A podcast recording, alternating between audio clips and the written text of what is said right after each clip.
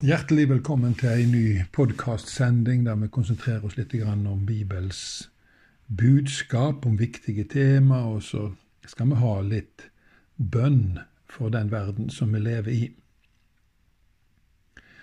I dag vil jeg snakke om skuffelser.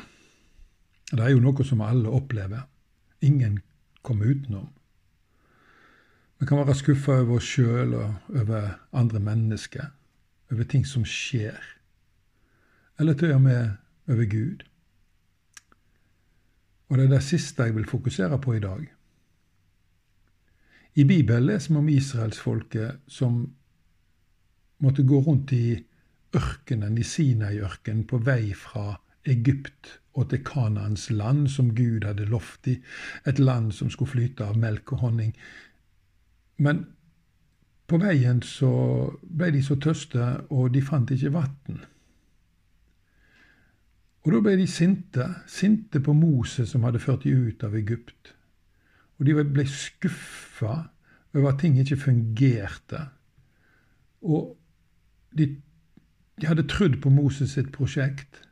Og de hadde på underfullt vis blitt berga gjennom Rødehavet, og da måtte de nå ha forstått at det var Guds prosjekt. Og de hadde sett at hans mektige hånd hadde splitta havet i to, sånn at de kunne komme trygt over til Sinai-halvøya. Og de må ha tenkt For en Gud vi har, altså. En Gud som elsker oss, og som frelser oss fra fiendene våre. Men nå var de tøste, og da var liksom alt glemt.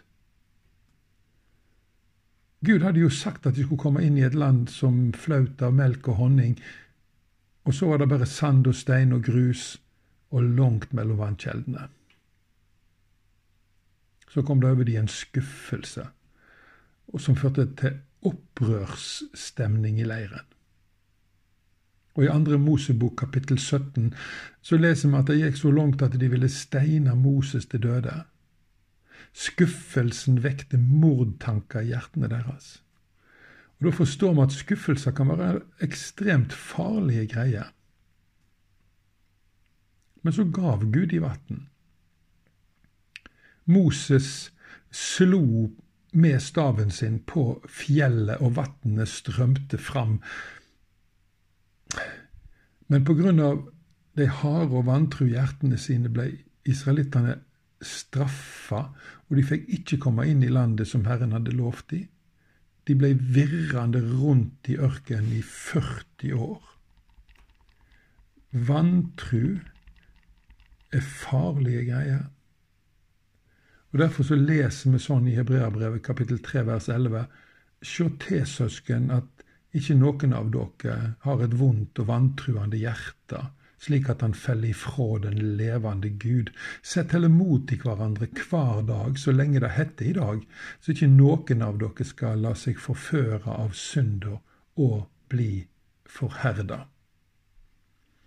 For det er en forførelse i skuffelsen. Og når skuffelsene fører til at vi blir fulle av vantru, sinne og hat, stenger vi Gud ute fra livet vårt, og de som gjør det, stenger seg sjøl ute fra Guds evige rike. Vi må snakke litt om Judas Iskariot. Han var så skuffa på Jesus. Han hadde forventa at Jesus skulle bruke de karismatiske gavene og kreftene sine til å ta makta i Israel og få skikk på nasjonen og frihet og alt dette her. Men det, hadde, men det skjedde ikke slik som han hadde forventa. Isteden begynte Jesus å snakke om lidelse og død. Og Judas ble så skuffa på Jesus. Og skuffelsen vokste hat, og hatet til svik. Ja, vi forstår at skuffelse er farlige greier. Kanskje har ikke livet ditt blitt så storarta som du hadde tenkt deg og ønskt deg. Kanskje har det skjedd ting som har skada deg, eller lagt alvorlige hindringer i veien for deg. Eller du har opplevd svik i livet ditt, og du tenker Hvorfor lot Gud dette skje med meg? Hvorfor avverger han ikke denne ulykka? Og så videre. Kjære venn, ikke fokuser på alt det ubegripelige men på Jesus. Pris Herren. Ingen i verden opplevde et så djupt svik som han gjorde. Ingen hadde grunn til å bli skuffa som han. Ja, det kan jo til og med hende at han kunne ha blitt skuffa over deg. Men han, men han slipper det ikke inn over seg. Og om du skuffer han, så slipper han ikke taket i deg heller. Jesus nærer seg av fars kjærlighet.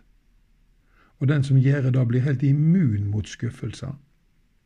Se på Jesus, han som en gang bar både deg, syndene dine og skuffelsene dine med seg opp på korset og frelste deg ifra det alt sammen med sitt blod, han som sto opp igjen fra de døde, og som lever sammen med deg hver dag, og som fyller deg med en enorm styrke og glede som bare feier alle skuffelser vekk, for det er ikke plass til både Jesus og skuffelsene i livet ditt enten den ene eller det andre.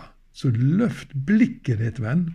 Se på Han som tålte en slik motstand fra syndere, leser vi i hebreerbrevet.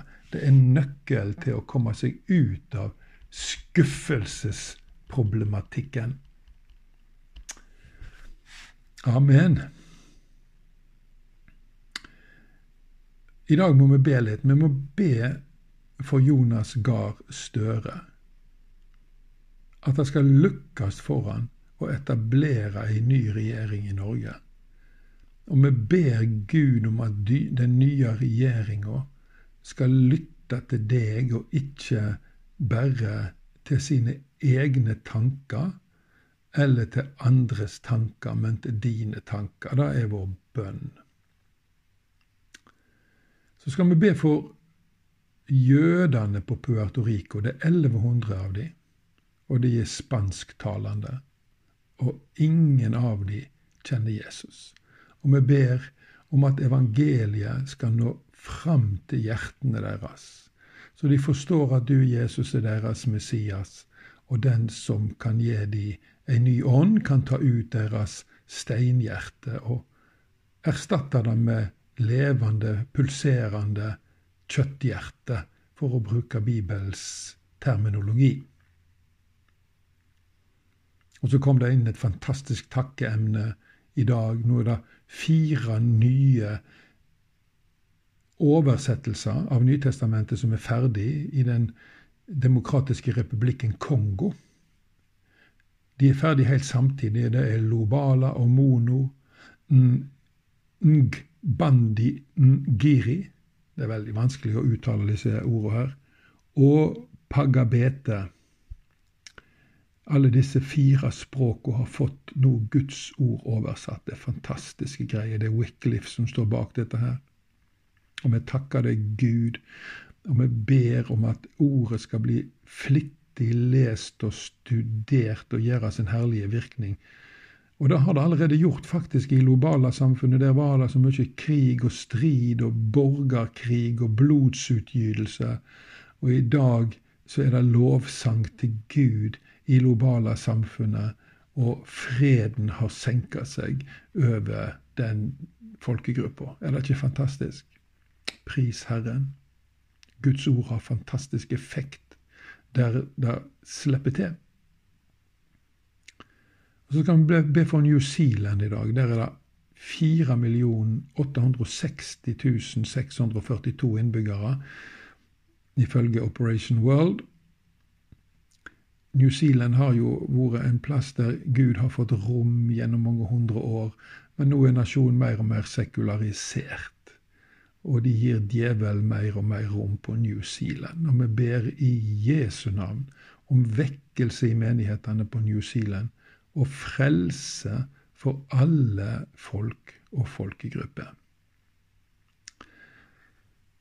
Vår Far i himmelen, lat navnet ditt helgas, lat riket ditt komme, lat viljen din råde på jorda så som i himmelen.